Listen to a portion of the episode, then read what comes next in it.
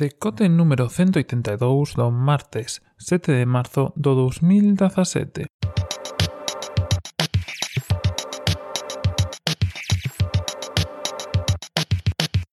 Bos días e benvidos a este novo decote. Oxe, imos falar un pouco de cine. Eh, fillémolo, creo que en verán, eh, cos... en verán, sí, en verán, con eh, Os Cazafantasmas, se si non me equivoco, que foi a última película que viu por aquí, e esta vez imos facelo de novo para falar de Logan. Non se sabedes de é Logan, é a última película dentro do universo Marvel da parte eh, dos X-Men, creo que cando falamos un pouco do universo Marvel falamos desto, de que digamos que Deadpool e os X-Men están dun lado e logo pois todo o resto está do outro.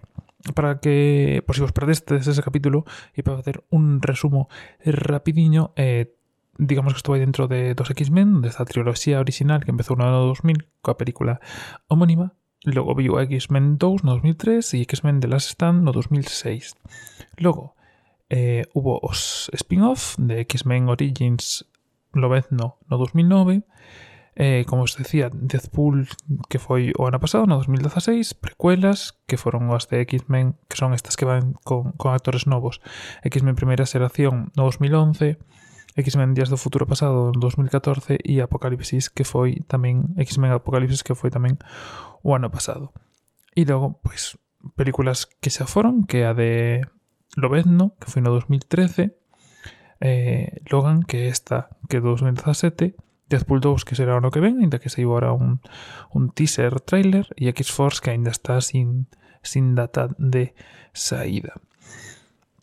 Logan, por si non sabedes, pois é a película coa que pecha todo o que ten que ver con Lobezno. El Lobezno estivo nas tres primeiras películas orixinais, logo tivo as súas de X-Men Origins Lobezno e Lobezno, a película que se chamaba tal cual así.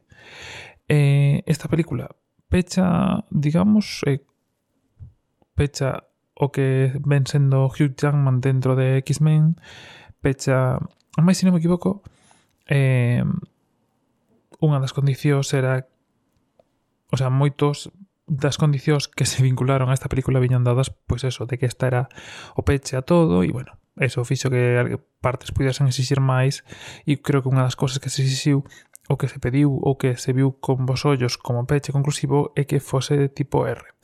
Eu creo que unha das cousas que máis chama a atención neste tipo de película. Por que? Bueno, primeiro de todo, eh, Estive lendo, fun a ver a película, evidentemente, parte fundamental. Eh, estive vendo algunhas críticas. Debo decir que estou bastante asustado por críticas que hai por internet que deben ser os 300 caracteres xustos e necesarios que, que pide Google para indexala. Por exemplo, a do país é terrible, xa ni mola linko. Pero bueno, logo deixo vos abaixo por si queredes ler unha crítica feita por alguén que ve máis películas que a min o ano. Deixo vos tanto a das horas perdidas como a de fotogramas como a de hipertextual. Hipertextual non sei por qué, pero non é tan boa como as outras, pero digamos que se meten máis en detalles que as outras, no, por si queredes. Eh, non sei que pasa, isto xa é a parte do, do que falaremos despois, pero a do país e algunha máis por aí parece que lles pagan por poñer palabras enrevesadas e facer eh, guiños e cousas a, a películas que ninguén coñece o que moi pouca xente coñece cando entendo que o ideal nunha crítica é facela entendible para todo o mundo. En fin, cousas aparte eh, desto de, de buscar información e quedarse abrallado das estupideces que se poden ler por aí. Deixo vos esas tres esas tres críticas na descripción. Tamén vos deixo a página Wikipedia onde vos ven todo como está organizado o universo, por si queredes pois, meteros máis en detalle exactamente en que momento se mete isto. E falamos un pouco de, de Logan da película en sí. Primeiro, como os decía, E tipo R. R, digamos que como se marca en Estados Unidos, eh, en Estados Unidos é R, eh, nun dos posts decían que en México C, aquí está para máis de 16, pero digamos que ten violencia violencia eh, explícita, que o tema da digamos que marca un pouco eso. Aquí só puxeron como máis de 16, hai certas escenas que son así un pouco duras, pero tampouco demasiado, esperaba máis porque me asustaron un pouco lendo, todo isto antes de, de ir eh, todo o tema de que a R e había moita violencia e tal, pero bueno, aina, pero tampouco demasiado. Si veste Deathpool, Deathpool ten o mesmo tipo de de característica, tamén é tipo R, e bueno, pois por aí vai. Creo que incluso para min é menos menos dura que Deadpool.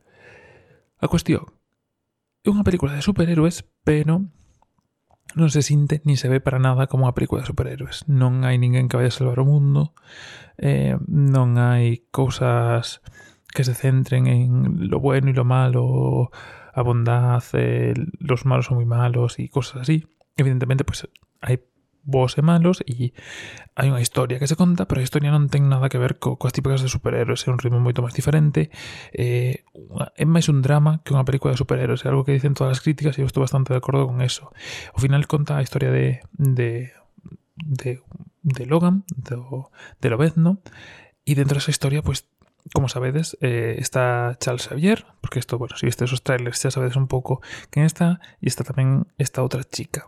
Debo decir, por si non sabedes, como dato curioso, que esta chica, eh, bueno, chica nena que sai nos trailers é eh, Daphne Quinn, Daphne Quinn, non, Daphne King, eh, que é española, por si soa de algo, eh, estivo na serie Refugiados facendo de Ana entre os anos 2014 e 2015. Chamase eh, Daphne King Fernández, creo que naceu en España, pero ten unha doble nacionalidade, algo así vino e fíxome gracia e eh, se a vedes en versión subtitulada, en versión dobrada, perdón, pues ela doblase así mesma na versión en español, por si mos mola saber ese tipo de detalles. Está moi ben, realmente, digamos que toda a película xira alrededor de 3-4 personaxes e está moi ben.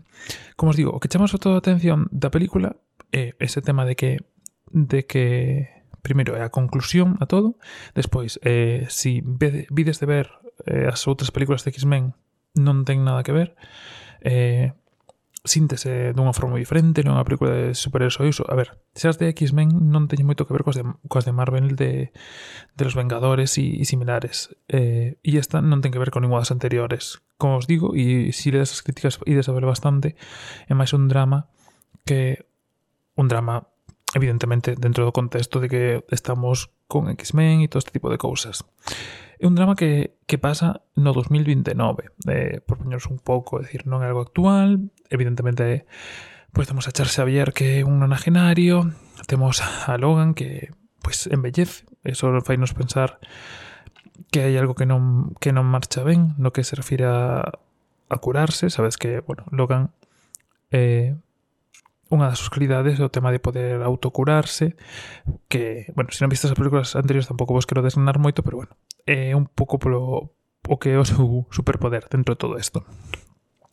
E a película, lonxe de ser algo, como os digo, grandilocuente, grandioso, de salvar o mundo, cosa, é unha historia, conta unha historia moi sinxela, pero con grandes lazos. E eu creo que hai dúas cosas que, que sobre todo, e chaman a atención desta película que eh, a historia que conta no sentido do, do personal que é, do que nos permite adentrarnos dentro de do que é Logan como personaxe, non tanto, pois como os digo eso, deixando moi de lado parte de superhéroe ou de gran persoa ou de, de todo o que pasou e, e o tema das relacións humanas eh, de como eh, os tres, as tres personaxes principais como son Xavier, Logan Y, y, esta rapaza, que no sé si yo no me salió por ahí, pero bueno, bueno de ser sin decir, eh, como relación entre los tres, como son como tres eracios eh, diferentes, eh, se entrelazan en la película, bueno, da un resultado bastante interesante. No sé, eh, evidentemente, cosas que debes saber, non foi falta ver as anteriores. Eu fun co, coa miña señora a ver a película, que non vira ninguna das anteriores, e saiu con ganas de ver as anteriores.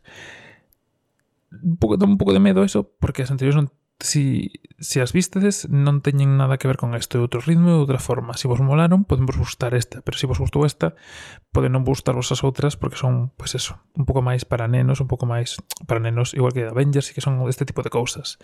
Un pouco máis durilla, un pouco máis eh, conclusiva, eh, bueno, os actores, eh, a verdade é que espectacularmente ben, Hugh Jackman tomou con moito amor eh, esta personaxe desde o principio, Estos días por Twitter pois pues, notouse bastante pois, pues, con todos os, os retweets a, a cousas que lles mandan os fans que estivo facendo e bueno notase que tamén para el é unha despedida dun un traballo dunha actuación que lle mola e que colleu con cariño. Por certo, eh, se vos mola seguir este tipo de cousas por Twitter, eu sigo a, a Ángel Vidal, que é un dos colaboradores de las horas perdidas, deixo vos tamén o enlace na descripción, pois, pois se queres ter alguén de man mm, co que enterase de, de todas as movidiñas que van pasando por Twitter. E non sei moito máis que contarvos. Eu recomendo bastante, eh, como decía a miña señora, foi sin coñecer nada anterior e gustoulle, enterouse de todo, quizás si que non, si non vades sabendo anterior, pois ides quedar coa dúbida de se hai cousas que, que terías que saber por películas anteriores ou non, eh, eu digo vos que non, que todo o que sai na película digamos que non precisa de nada anterior, incluso cando fan referencias a, a momentos anteriores non son de películas anteriores, entón podes ir e vela como un algo concreto. Evidentemente, si sabedes cousas, sabedes quen é o Lobezno, non sabedes un poco anterior, pues sí lo conllevar con más cariño y con más atención. Pero bueno, creo que eso es todo o necesario para saber. Esas críticas de gente de verdad que sabe de esto de verdad en la descripción. Y si tienes cualquier duda o querés eh, preguntar algo más concreto o algo más de spoiler, o si foste esa vela y queréis comentarlo conmigo, pues como siempre, tenéis todos los enlaces en podcast.argue.net para las mis redes sociales y para contarme de la forma que estimedes. Nada máis por eso, sei que hoxe foi así un pouco máis calmado, un pouco máis lento, pero que as críticas e estas cousas costan un, un pouco, porque non é algo que se me deben, pero como me gusta ir a ver, e son un pouco friki destas cousas, no friki, aficionado. Pois nada, eh, que teñades un bo martes, un bo día, un saúdo, e ata mañá.